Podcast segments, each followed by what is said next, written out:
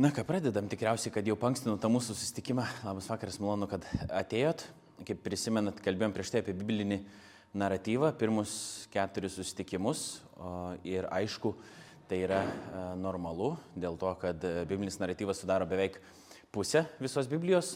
O dabar eisim prie kitos temos, kalbėsim apie biblinę poeziją. Šiai Bible Project pateikia dvi temas, konkrečiai skirtas bibliniai poezijai. E, tai biblinė poezija ir jos menas ir tada metaforos bibliniai poezijai. Aš noriu jas sudėti į vieną krūvą, bet e, dėja taip nepavyko, kadangi medžiagos yra per daug, kai bandžiau ruoštis. Šiandien beveik nieko nebus mano uh, originalių minčių, e, sakydavau ir seniau, šiaip visas yra paremta Bible Project medžiaga, bet prieš tai dar kažkiek įdėdavau savo, o dabar ėmiausi daugiausiai jų studijų um, užrašais ir ten informacijos tikrai buvo daug, dėja, jie visi yra angliškai, kartu su jais mes kalbamės, kadangi e, bendrauju su Bible Project tiesiogiai, ar būtų įmanoma lokalizuoti, tai yra ne tik išversti, bet pritaikyti lietuvių kultūrai, ne tik kalbai e, tą jų medžiagą, kuri būtų įrašytinė, ne tik vaizdo įrašai.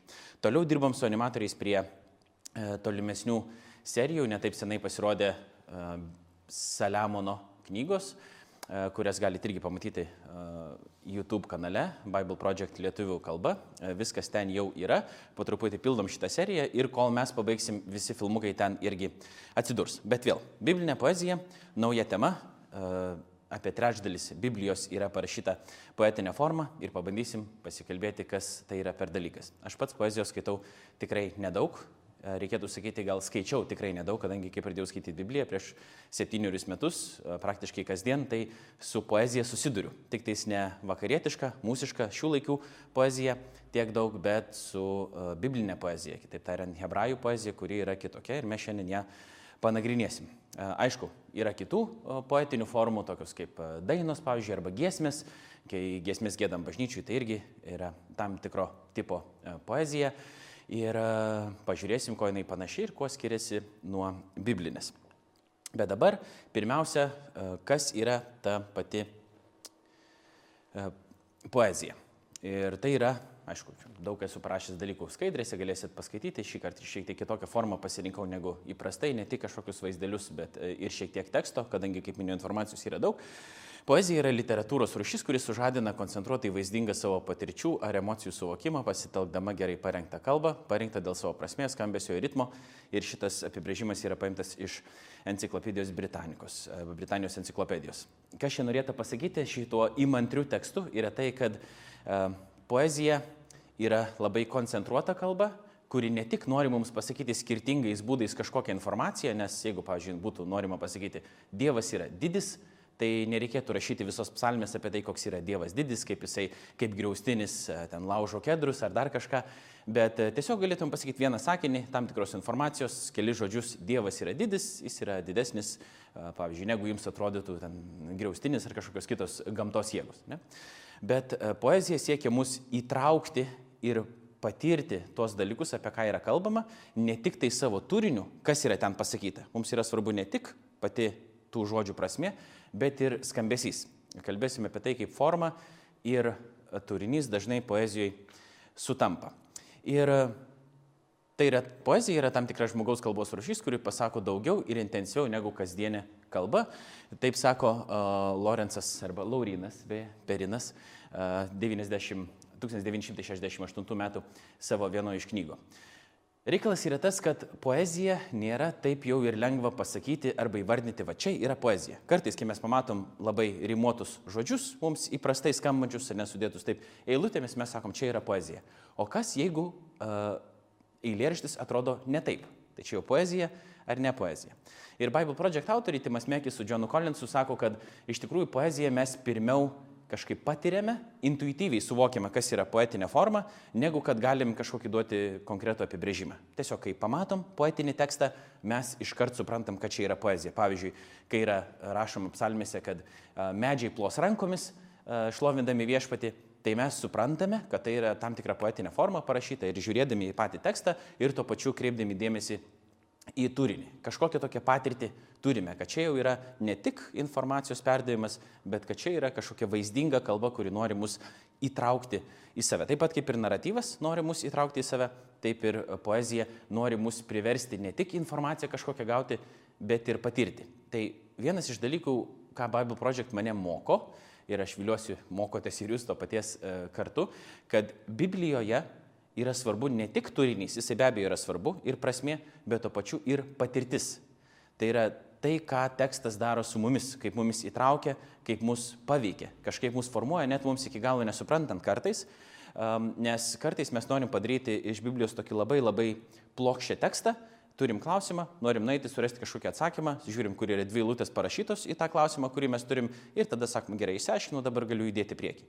O iš tikrųjų, kodėl mes skaitom ją visą gyvenimą, bent jau krikščionis taip daro, um, ir aišku, kiti Biblijos tyrėjai, kurie nėra krikščionis, skaito tai kaip žydų meditacinė literatūra, apie tai mes jau kalbėjom, kuri yra skaity, skirta skaityti visą gyvenimą kuris suskamba naujai, vieną kartą skaitant, antrą kartą, trečią kartą skaitant, mūsų patirtis pasikeičia per gyvenimą, mes prie tų pačių tekstų grįžtam vis iš naujo, jie mus vėl kitaip kažkaip veikia, mes juos iš naujų kampų pamatom.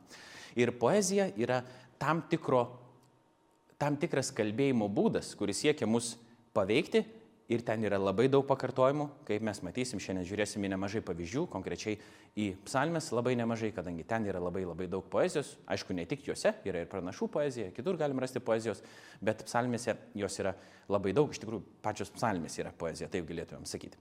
Bet dabar pažiūrėsim šiandien vieną, ne du filmukus uh, apie biblinę poeziją ir tada kalbėsim jau, kas ten buvo pasakyta.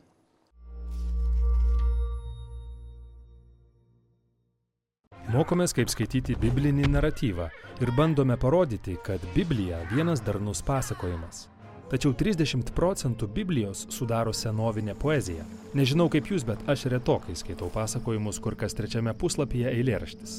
O poezijos daug visoje Biblijoje. Kai kurios biblinės knygos vien tik poezija. Dauguma hebrajų pranašų meistriškai rašė poemas, o didžiuma Dievo kalbos Biblijoje pateikiama būtent poetinė forma. Be to, biblinėme pasakojime įprasta staptelėti, kol iš veikėjo lūpų veržiasi poetinė giesmė. Pavyzdžiui, išėjimo istorijoje pasakojama, kaip Mozė išveda izraeliečius per jūros vandenis. O iškart po šio pasakojimo tas pats įvykis apgėdamas gražioje poemoje. Kodėl ir pasakojimas, ir poema? Ar neužtektų vienos versijos? Na, poezijos kitoks tikslas nei pasakojimų. Užuot aptarinėję, kuo jie skiriasi, pabandykime tai tiesiog patirti. Gerai. Viena pasakojimo dalis yra tokia. Vandenys buvo perskirti ir izraeliečiai žengė sausumą, kol vanduo stovėjo kaip siena jiems iš dešinės ir iš kairės. Viskas kaip ir aišku. Taip. O dabar poema pasakojanti tą patį įvykį. Viešpatie, mūsų iš tavo šnervių susitelkė vandenys, plūstančios bangos iškilo tarsi pylimas, gilus vandenys sustingo jūros širdyje. Oho, pylimas iš plūstančių bangų lyg želė ir dieviškos šnervės stipru. Poema žodžio menu pakursto vaizduotę. Bibliniai poetai šiam efektui sukurti taikydavo konkrečias priemonės. Apie tai ir pakalbėsime, taigi biblinės poezijos menas. Pagrindinis bet kokio eilėraščio dėmuo yra eilutė. Daug eilučių sudėliojamos taip, kad sudarytų eilėraštį. Na, prie tokio eilėraščio esu pratęs. Yra metras, ritmas, papapapam, papapapam, taip pat yra rimas. Tačiau Biblijoje poezija kitokia. Teisingai, ją galima pavadinti baltosiomis eilėmis. Joje nėra metro kaip ir kai kuriuose poezijos tradicijose. Rimavimas irgi kitoks. Tai biblinėse poemose nėra tvarkos. Ne, tvarka yra, tik ji kitokia. Biblinė poezija iš esmės sudaryta iš kupletų. Tai dvi trumpos viena šalia kitos einančios, rūpestingai sudėliotos eilutės. Pirmoje eilutėje pagrindinis teiginys, o antroje jis išplėtojamas. Tai daroma mintį užbaigiant arba sustiprinant kitokiais žodžiais ar vaizdiniais, arba kaip nors sukuriant priešybę. Pavyzdžiui, 51 psalmės pradžia. Pamatysi, kaip tai vyksta. Pirmame kuplete poetas prašo Dievo parodyti malonę ir meilę. O konkrečiai, antroje eilutėje jis meldžia atleidimo už savo klaidas. Vadinasi, šis kupletas užbaigia vieną išsame mintį. Teisingai, kitas kupletas prasideda nuplovimo metafora.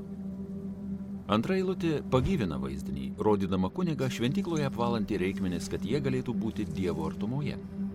Aišku, ji vaizdinį sustiprina. Taip, o trečias kupletas prasideda poetui giliai savyje suvokiant savo nuodėmę.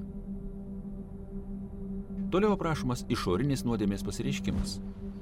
Ji tarsi viešumoje matoma tiek jam, tiek kitiems. Šis kupletas minti prieš priešina. Būtent. Tuose kupletuose nemažai pasikartojimų.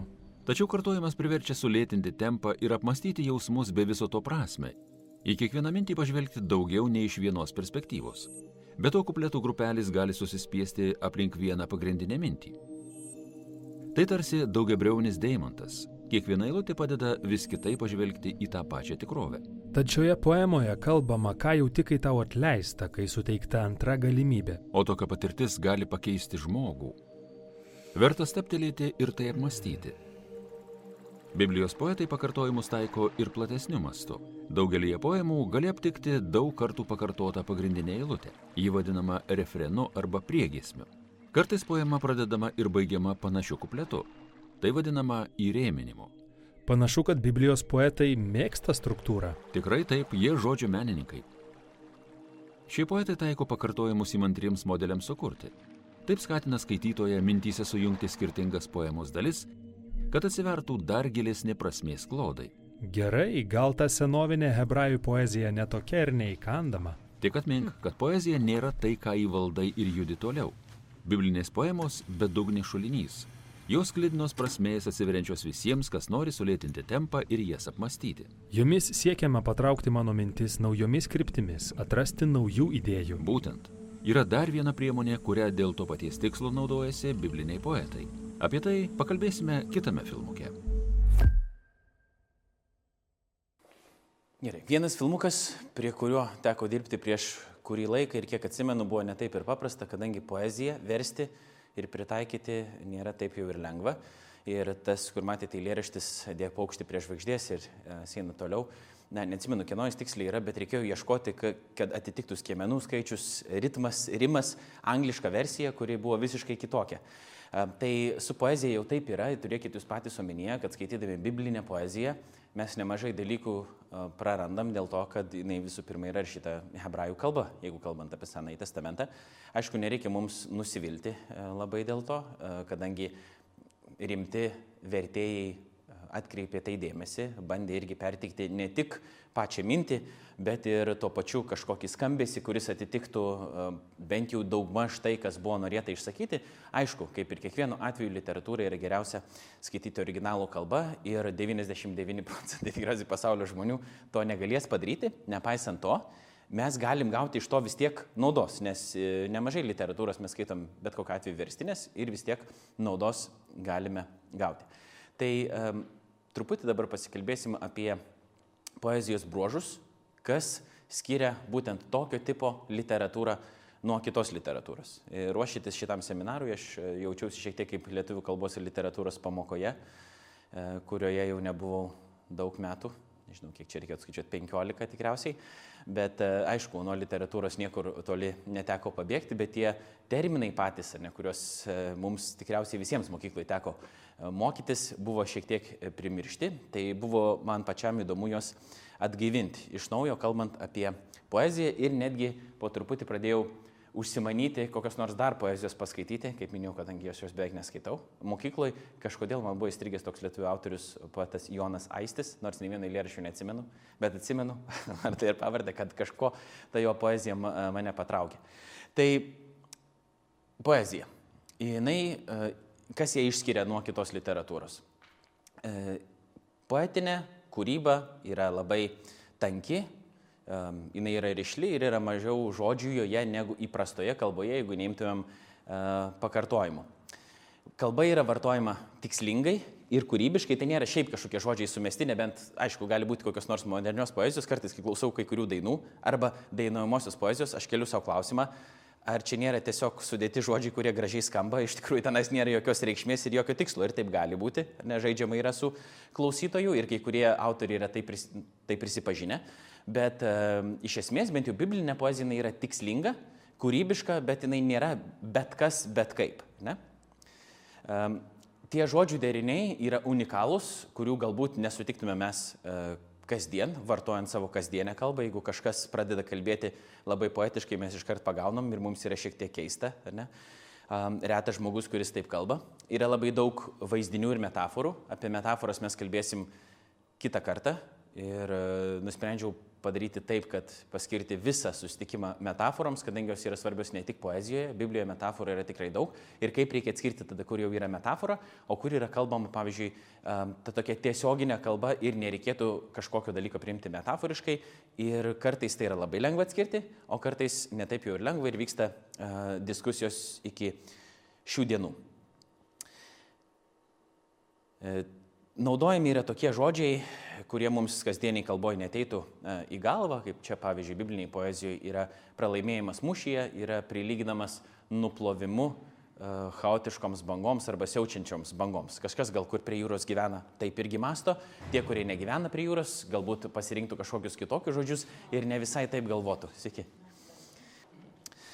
Ir galiausiai, kas jau buvo mano minėta, kad kalbant apie poeziją, turinys teksto, tai yra tai, kas norima pasakyti arba pagrindinė žinia ir pati kalba, jinai kartais, tai yra pati forma, jinai kartais sutampa. Tai reiškia, kad um, poezijoje forma yra svarbi tiek pat, kiek ir norima pasakyti žinia. Tai reiškia, tai, kaip yra žodžiai vartojami, kaip jie yra sudėliojami, kaip yra eilutės perskiriamos, kiek yra žodžių eilutėje, koks yra rimas ar rimo nebuvimas, koks yra ritmas, visi tie dalykai yra svarbus, jie nėra atsitiktiniai. Tai yra bendri poezijos bruožai. Dabar apie senovės Izraelio poeziją šiek tiek daugiau pakalbėsim. Yra kelios um, senovės Izraelio poezijos rūšys, jeigu taip galima pavadinti, tai e, giesmė arba hebrajiškai šyra arba šyra. E, psalmė Mizmor ir rauda arba kina. E, tai pavyzdžiui, iš išėjimo knygos 15 skyriaus pirmos eilutės, tada Mozė ir izraeliečiai užtraukė e, šią giesmę, kaip yra pavartota šitame tekste. Po to dauguma psalmių, psalmių pavadinimų turi tokį tekstą Davido Mizmor. Arba lietuviškai matytumėt, virš psalmių yra parašyta dažnai Davido psalmė ir tada jau eina tam tikras tekstas, e, taip psalmė yra tam tikra poezijos forma. Ir galiausiai rauda. Ir iš, čia yra ištraukai iš antro, e, antros Samuelio knygos, pirmos skyrius 17 eilutės. Davidas išraudojo savo kiną arba raudą dėl Sauliaus ir Jonatano ir ta rauda irgi gali pasirodyti poetinę formą. Dabar kokios yra mm, savybės senovinės Izraelio uh, poezijos? ta poezija yra dažnai dėliojama eilutėmis ir jeigu vėl atsiverčia psalmės, matot, kad tekstas nėra surašytas taip nuosekliai per visą lapą. Šiaip Biblijoje dažniausiai yra uh, du vadinami Lietuviškai mes e, gal kitokį žodį reikėtų vartoti, bet yra tai stulpeliai tokie ar ne. Ir dažniausiai knygos netaip yra, e, netaip yra rašomas, bet tokia yra pasirinkta e, biblinė forma. Bet kai žiūrime į psalmes, tai yra dar kitaip. Dažnai yra iš vis kokie trys žodžiai, po to dar kokie tai keturi žodžiai, trys žodžiai ir panašiai. Ne, tai yra um, eilutė. Dabar kas yra ta eilutė, ką mes bent jau lietuviškai uh, vadinam eilutė, angliškai tai yra žodis vers. Um, ir um, nebūtinai tinkamai lietuviškai verčiama eilutė, bet geresnio žodžio kaip ir nerandu. Ir tai eilutė yra tam tikra poezijos forma, pats tas dalykas, ne, kaip eilutė gali būti pavadinamas poezijos forma.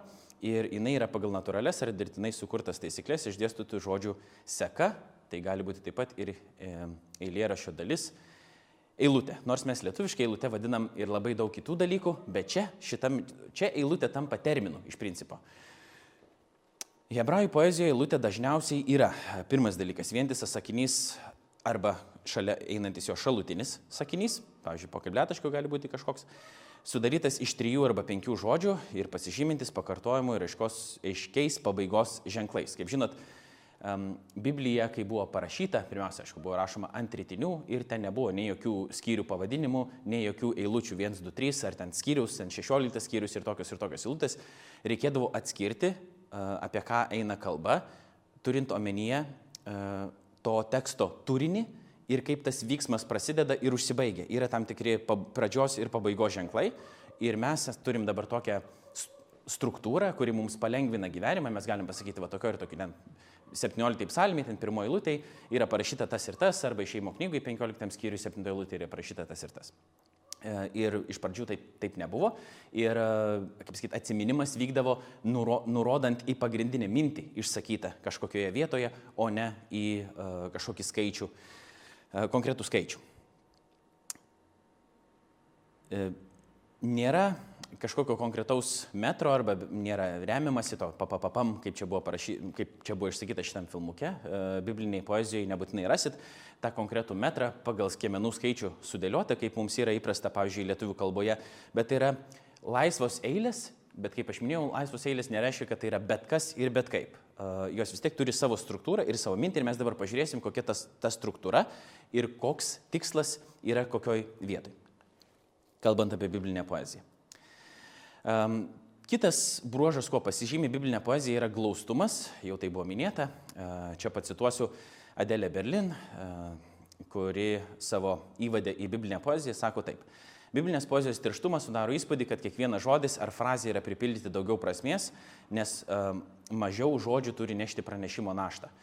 Kitaip tariant, uh, Teksto gali būti labai nedaug ir mums reikia labai gerai jį apmastyti, perskaityti daug kartų, nes ten yra didesnis krūvis mažesnėme kiekyje žodžių, nes jeigu mes bandom kažką paaiškinti, ne, išdėstyti kažką, skaitim, pavyzdžiui, teisinį dokumentą, ne, yra labai daug žodžių, kad būtų nepalikta jokios vietos klaidai ar neteisingai interpretacijai. Dėl to reikia iš įvairių kampų labai tiksliai, techniškai, net kartais darant nemažai stiliaus klaidų, ką reiškia daug pakartoti tų pačių žodžių, kurie šiaip normaliam tekste neturėtų būti kartojami, tam, kad mes galėtum suprasti tiksliai, tiksliai, kas yra parašyta ir kiek įmanoma eliminuoti klaidos tikimybę. Poezija netaip veikia, ten yra labai tirštas tekstas, ką reiškia nėra daug to teksto, bet jisai tie mažai žodžių, jie turi pertikti labai daug prasmės.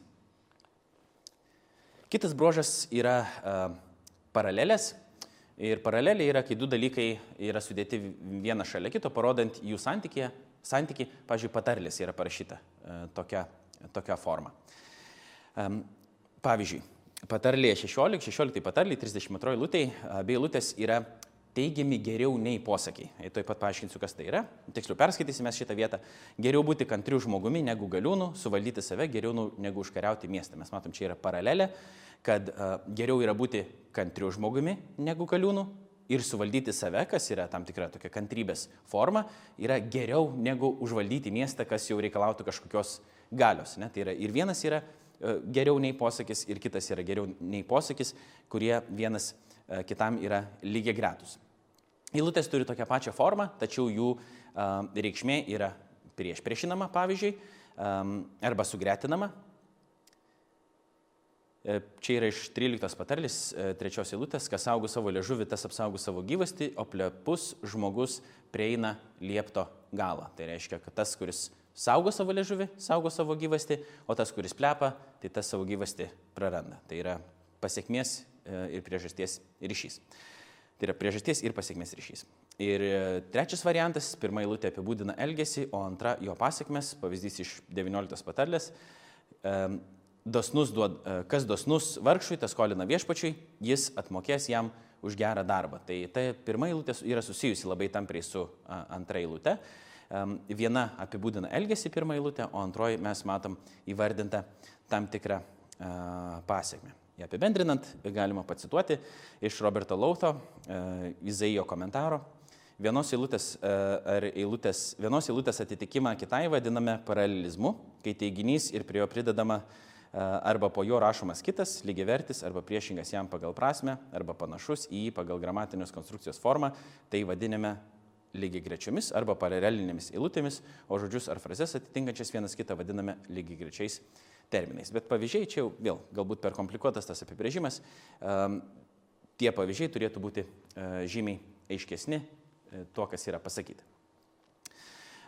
Dar matom šiek tiek e, paralelių, kad ne tik, mintis yra ne tik rimuojamos, ar ta pati mintis yra pasakoma skirtingais žodžiais, santykis tarp tų paralelinių eilučių gali būti labai įvairus, nebūtinai paremta mintimis, rim, kaip sakyti, minčių rimu, ar tiesiog to paties dalyko pasakymų kitais žodžiais, tačiau e, tas santykis yra labai įvairus, bet kas įvyksta, tai kas yra sakoma vienoje eilutėje, po to visą laiką, visą laiką yra sustiprinama, pareiškinama arba išplečiama. Tai kai reiškia, mes perskaitom kažkokią koncentruotą mintį iš pat pradžių, kai skaitom toliau tekstą, mums ten yra tarsi toksai sirupas, kur gaunam daug informacijos. Du pavyzdžiai.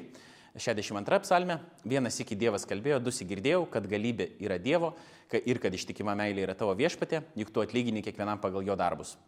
Ir kitas pavyzdys, pasigailėk manęs Dieve iš savo gerumo, iš savo begalinio gailestingumo sunaikink mano maištingus darbus, kas kart nuplauk mano kaltę, apvalyk mane nuo mano nuodėmės, savo maištingus darbus aš gerai pažįstu ir mano nuodėmė man nuolat prieš akis. Kaip matote, čia yra tokie vadinami kupletai, yra pirma eilutė, kuri įvardyja kažką, po to kita paryškina, sustiprina, išplečia e, kitais terminais.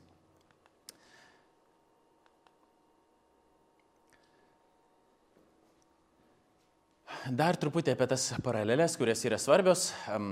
Paralelės suteikia būdų įvairiapusiškai, kūrybiškai komunikacijai labai begalė daug jų, nes kombinuoti tas eilutes ir tas mintis galima įvairiausiais būdais. Pavyzdžiui, ta pati Adelė Berlin išskiria 29 skirtingus būdus psalminę, kuriame yra kalbama, psalmistas, tas, kuris e, kalba, kuris rašo, jisai prašo, kad Dievas išgirstų jo maldą. Tai čia ne visus 29 pateikiu, bet e, bent jau kelis jų.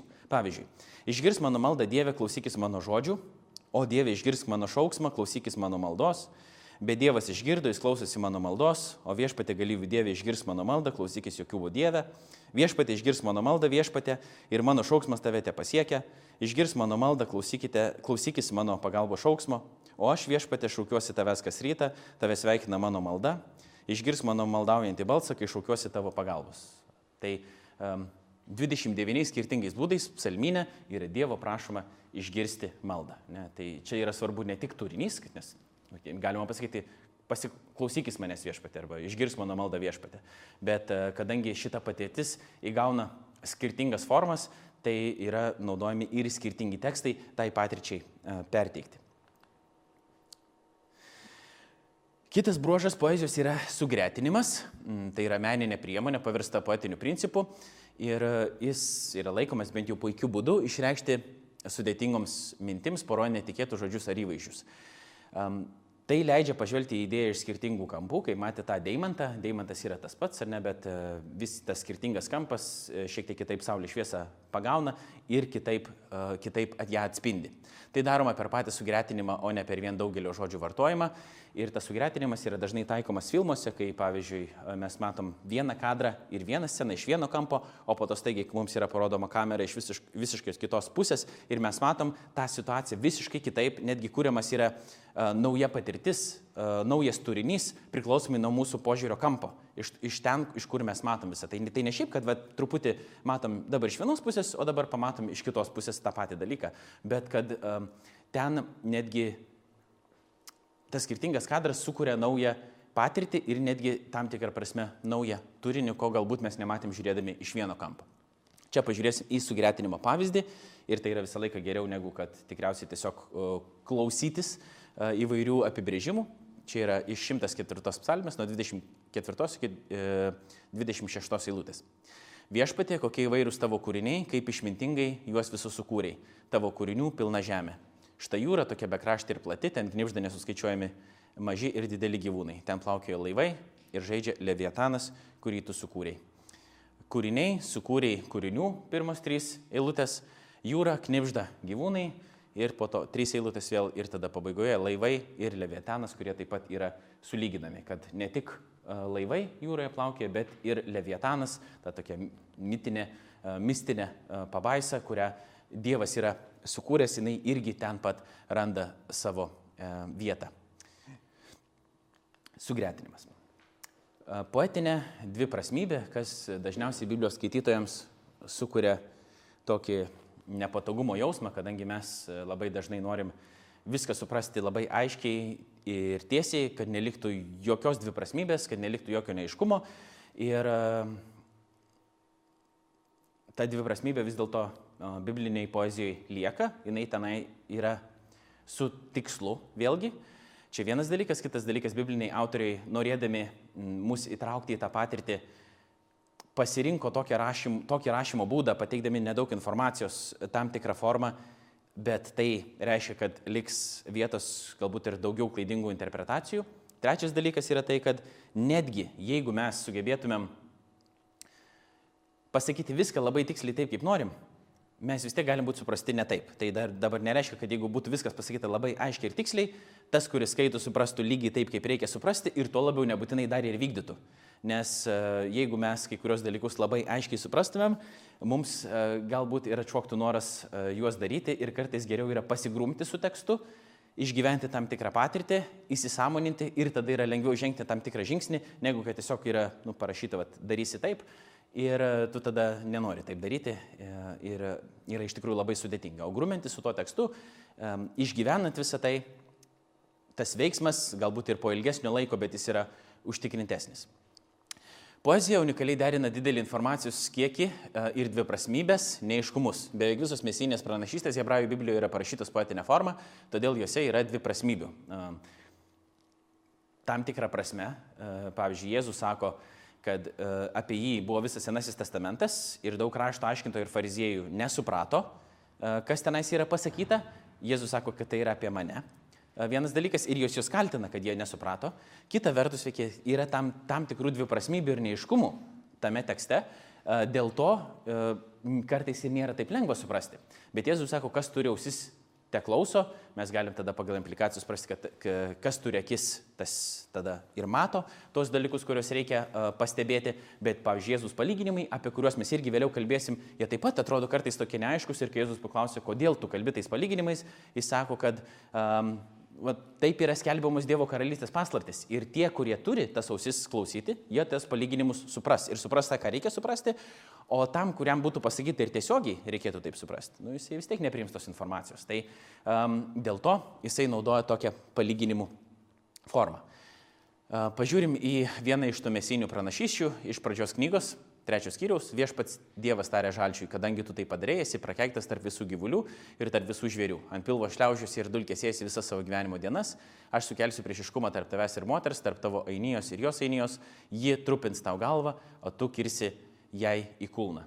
Kas ta moteris, kas ta gyvatė, kaip jinai tiksliai veikia, mes tai siejam su Jėzumi, ne, ar ta moteris Marija, bažnyčia, šetonas yra tas, ar šetonas yra ta gyvatė, ar čia yra kalbama apie tai, kad kai yra trupinama e, galva, tai e, ir kertama tada į kulną, ar čia yra kažkaip susijęs su Jėzus mirtimi ant kryžiaus, ne, bent jau tuo laiku gyvenant e, ir skaitant šitą tekstą, tikriausiai net į galvą neteitų, ne, bet kai žiūri istorijoje įsipildančių pranašyšių šviesoje retrospektyviai, tai reiškia žiūrint atgal, gali suvesti tam tikrus dalykus, ne, Ir e, nes apreiškimas yra progresyvus pagal krikščionišką supratimą, tai reiškia, kad nėra, Dievas ne, nenumeta visko iškart, bet jisai po truputį atskleidžia tam tikrus dalykus um, savo laiku. Pavyzdžiui, yra parašyta, kad Jėzus atėjo laikų pilnatvėje. Irgi, tai, bet čia šitam tekste yra akivaizdu, kad e, susidinsi penkis žmonės ir jie nebūtinai prieis iki galo prie tokios pačios išvaiz, e, išvados, kadangi čia yra uh, tam tikros formos poezija, ir iki galo nėra aišku, apie ką čia eina kalbama, ypatingai jeigu mes žiūrėtumėm tuo metu, kai šitas tekstas buvo parašytas. Dabar mes jau siejame tuos dalykus, nes su Jėzus mirtimi, su uh, visų šitų pranašyšių įsipildymu mūsų, mūsų kontekste. Bet pagrindinė mintis yra tokia. Kai yra skaitoma poezija, ten yra pagrindinė mintis, autorius nori kažką pasakyti, bet forma pati poetinė, jinai sukuria tokią situaciją, kad nėra labai lengva viską ten išgliaudyti ir išgvildenti. Ne? Tiesiog taip yra. Bet poetinė forma turi savo privalumų, kurie atsiskleidžia būtent tik per tokią meninę išraišką ir meninę formą. Galiu pacituoti dar vieną autorių, Robertą Alterį, kuris rašo taip. Jei galėtume išgirsti Dievą kalbant, išreiškinti savo valią hebrajų kalbos žodžiais, kaip tai skambėtų. Normalus klausimas. Jeigu Dievas kalba ir jis pasirenka konkrečią kalbą, hebrajų kalbą istorijoje, nu kaip Dievas mums turi prakalbėti? Ką tai reiškia? Ir visi mes turim skirtingų supratimų. Vat kaip Dievas turėtų kalbėti? Nes dažnai ir tie, kurie prieštarauja krikščioniškam tikėjimui, žmonės sako, va, jeigu Dievas čia būtų kalbėjęs, tai jis taip nekalbėtų. Jis pasirinktų kažkokią kitą formą. Nemažai žmonės turi pamastymų, kaip Dievas turėtų arba kaip jis neturėtų daryti. Ne?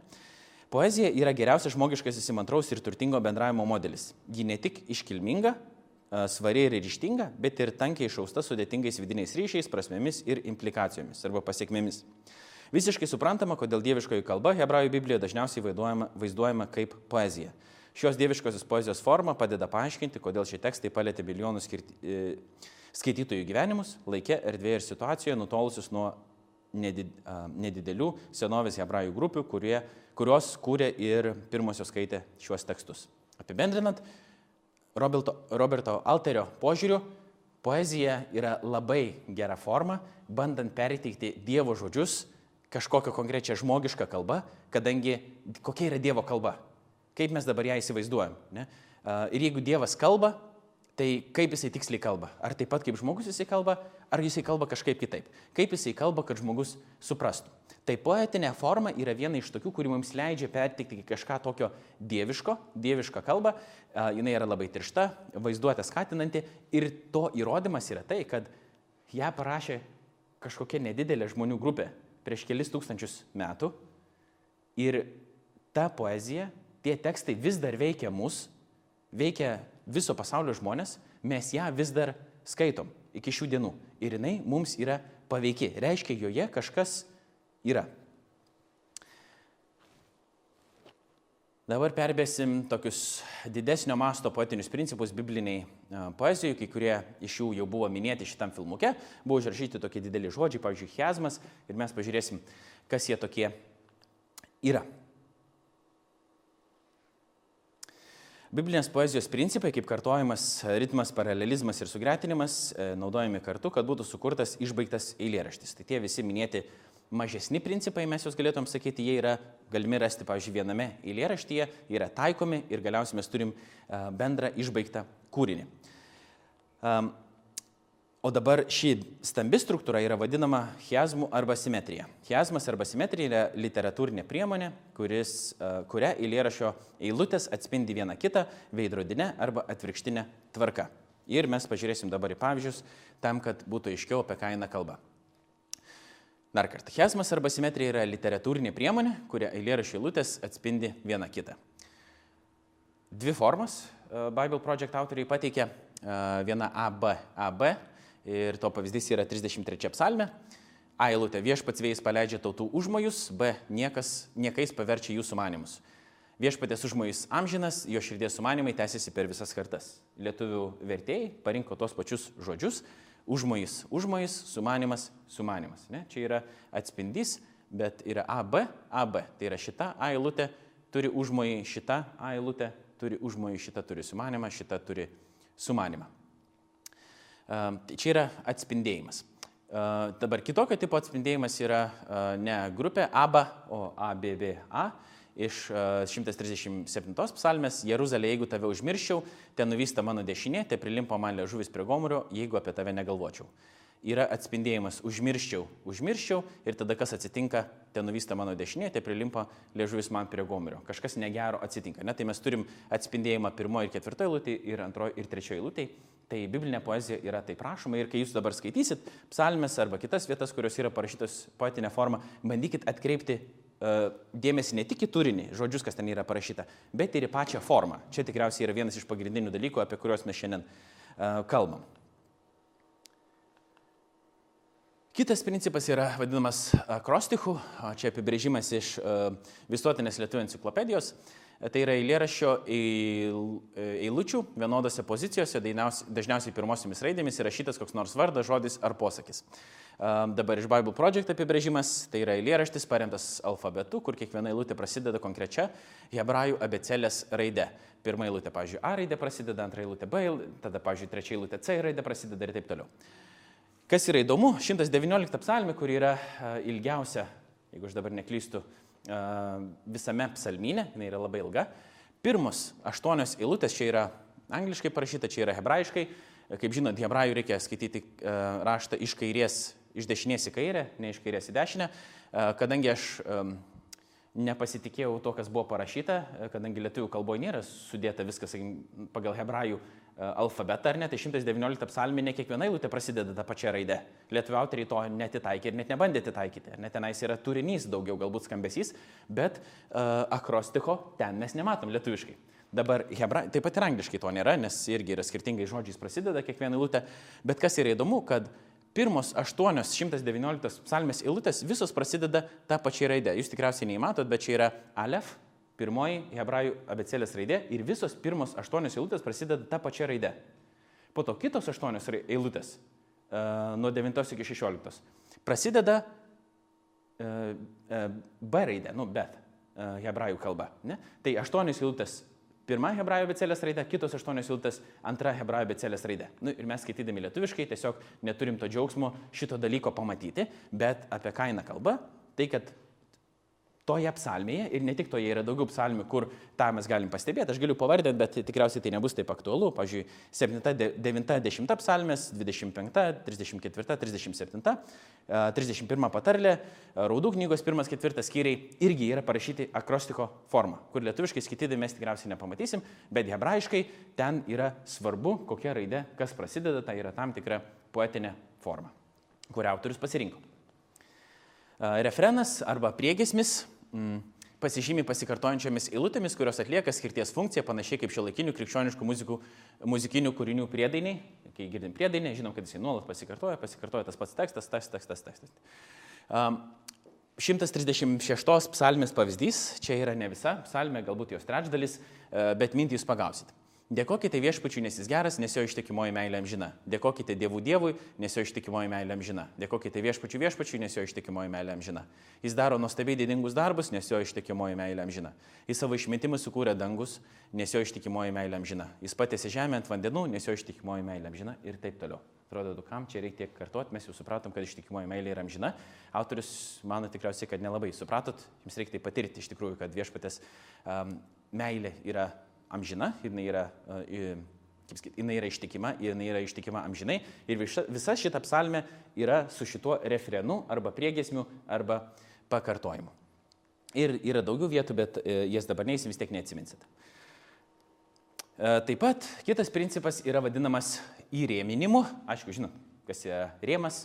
Dažniausiai įsivaizduojam paveikslų rėmą, tokį stačiakampį ar kitokios formos, bet ten yra tam tikras ryškus pradžios ir pabaigos taškas, kad nebūtų viskas išsilieję. Ne? Tai yra tam tikras rėmas.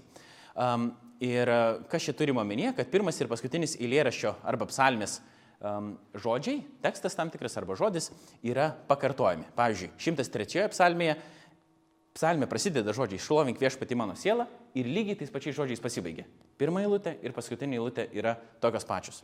108 psalmė prasideda ir pasibaigia tokiais žodžiais. Viešpatė mūsų Dieve, koks nuostabus tavo vardas visoje žemėje. Galite patikrinti, e, man atrodo, čia paskutinė lūtė yra koks e, mano Dieve, po to ten baigėsi, bet mintis yra ta pati. Ne? Mes turim pakartojimą e, pirmame, pirmoje ir paskutinėje eilėrašio eilutėje.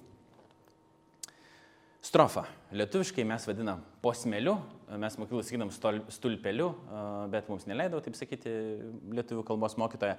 Bet čia pateikiau iš visuotinės lietuvių enciklopedijos Juozapo Girdzijausko straipsnio apibūdinimą, kas yra strofa mm, ir mes bandysime ją pritaikyti bibliniai poezijai.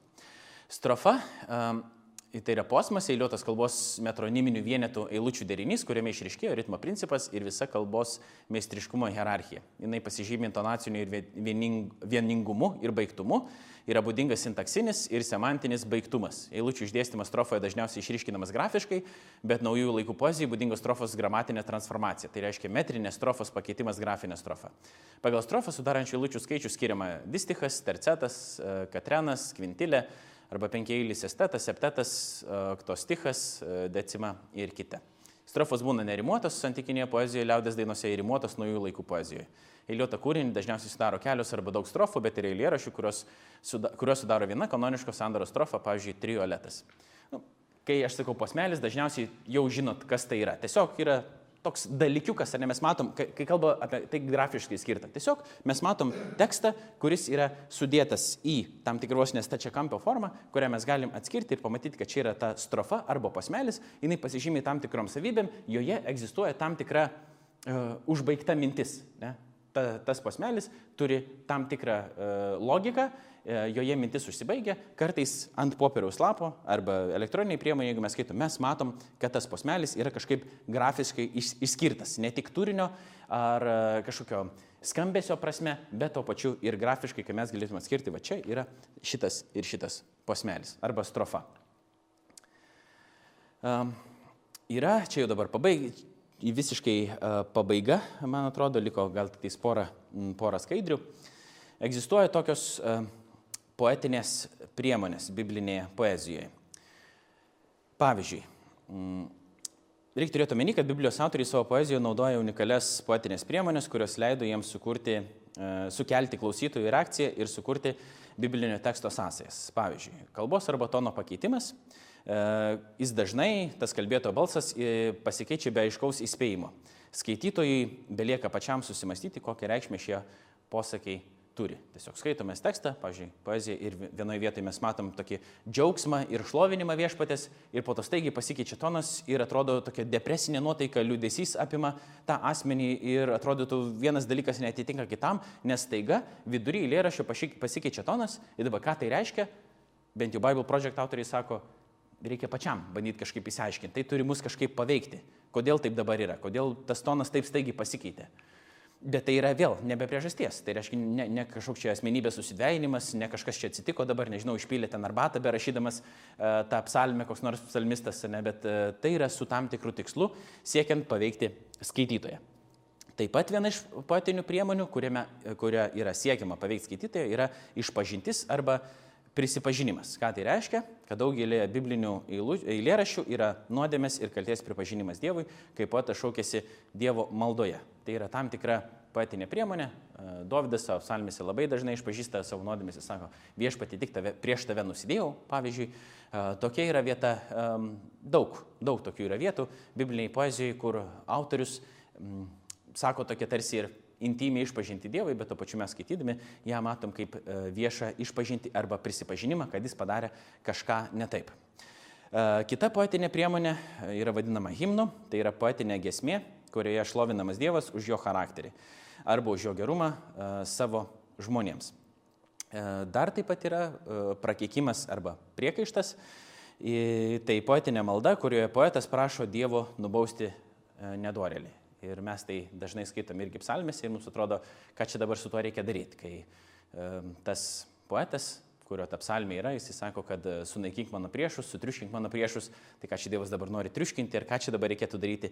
Bet iš principo tai yra tam tikra poetinė forma, kurioje išsako poetas savo jausmus, um, prašydamas viešpaties teisingumo įgyvendinimo. Ne? Bet dažniausiai taip nesibaigia tas, um, ta, ta poema ar ta psalmė, ten yra ir daugiau visko, įskaitant ir po to gali būti prašymų, maldų, maldavimų. Uh, E, iš pažinčių ir ko tik tais e, nori. Tai kita ta poetinė priemonė yra prašymas arba e, maldavimas, tiesioginis Dievo prašymas Dievui, kuriuo prašoma padėti išspręsti konkretų žmogaus poreikį. Yra, pavyzdžiui, sakoma, psalmėse, žiūrėk, kiek aplink mane daug yra mano priešų, išgelbėk mane po to, arba atstatyk mano gyvastį ir taip toliau.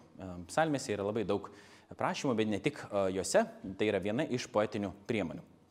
Ir galiausiai malda. Biblijoje malda tai yra tiesioginė žmogaus cituojama kalba, skirta Dievui, maldos apima išpažinimą, prašymą, šlovinimą ir padėką. Tai malda yra toks platesnis terminas, apimantis kai kurios iš tų dalykų, kuriuos mes apkalbėjom kiek anksčiau. Visose kultūrose susiformavo tam, tikrų, tam tikro tipo dainų ir eilėraščių, um, jie yra skirtingų žanrų. Pavyzdžiui, amerikiečių popmuzoje naudojama e, schema AABA, um, o hebrajų autoriai savo eilėraščiuose naudoja raudo, šlovinimo ir padėko žanrus. Dabar mes užbaigsim to pažiūrėdami, koks, kokie egzistuoja poetiniai stiliai psalminė, kurie yra skirtingi nuo šių dienų gesmių, nuo šių dienų uh, eilėraščių, galbūt nuo šių dienų pop, kultų, pop muzikos. Tai yra trys tokie e, esminiai dalykai, kuriuos įskiria Bible Project kuriejai. Pirmiausia yra rauda, kuri yra psalmė, e, kurios autorius skundžiasi Dievu dėl dabartinių sunkumų ir ragina Dievą išgelbėti. Ir joje yra dažnai tokie elementai - raudoje. Įvadinis šauksmas viešpačiai, po to prašymas arba maldavimas pagalbos Toliau yra pasitikėjimo Dievų pareiškimas, kad iš tikrųjų tai, ko aš prašau, Dievas turi galę įvykdyti ir jisai įvykdys, tam tikras užtikrintumas ir galiausiai priesaika, kad e, tas, kuris šaukėsi ir prašo Dievo e, tą raudą, kaip sakyti, atlieka, išlieja, jisai laikysis savo e, sandaros įsipareigojimų, galėtumėm tai pasakyti. Po to yra šlovinimas, taip salmė, kurioje Dievas pagerbiamas už jo charakterį ir arba savybės. E, šlovinimas dažnai turi tokius elementus kvietimą šlovinti, tam šlovinkite visos tautos viešpatį, šlovinkite visą kūrinį viešpatį, tai reiškia, kad ne tik tas pats asmuo, bet ir visi kiti yra kviečiami šlovinti viešpatį.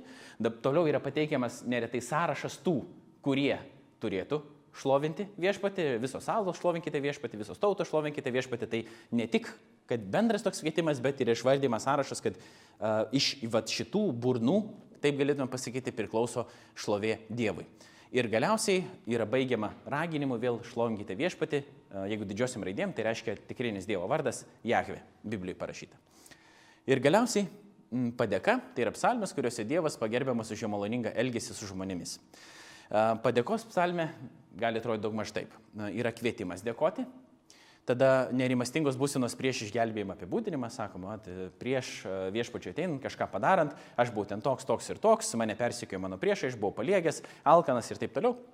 Tada Dievo e, šlovinimas iš jo maloningumą ir ištikimybę gelbstint, tai yra pripažįstama, kad viešpats yra maloningas, jis yra ištikimas ir štai kaip jis išgelbėjo mane iš tos nerimastingos būsenos, tada yra bendras teiginys apie Dievo rūpestį žmonėmis, ne tik apie konkrečią situaciją, bet bendrai, kad Dievas rūpinasi savo tauta ir rūpinasi apskritai žmonėmis.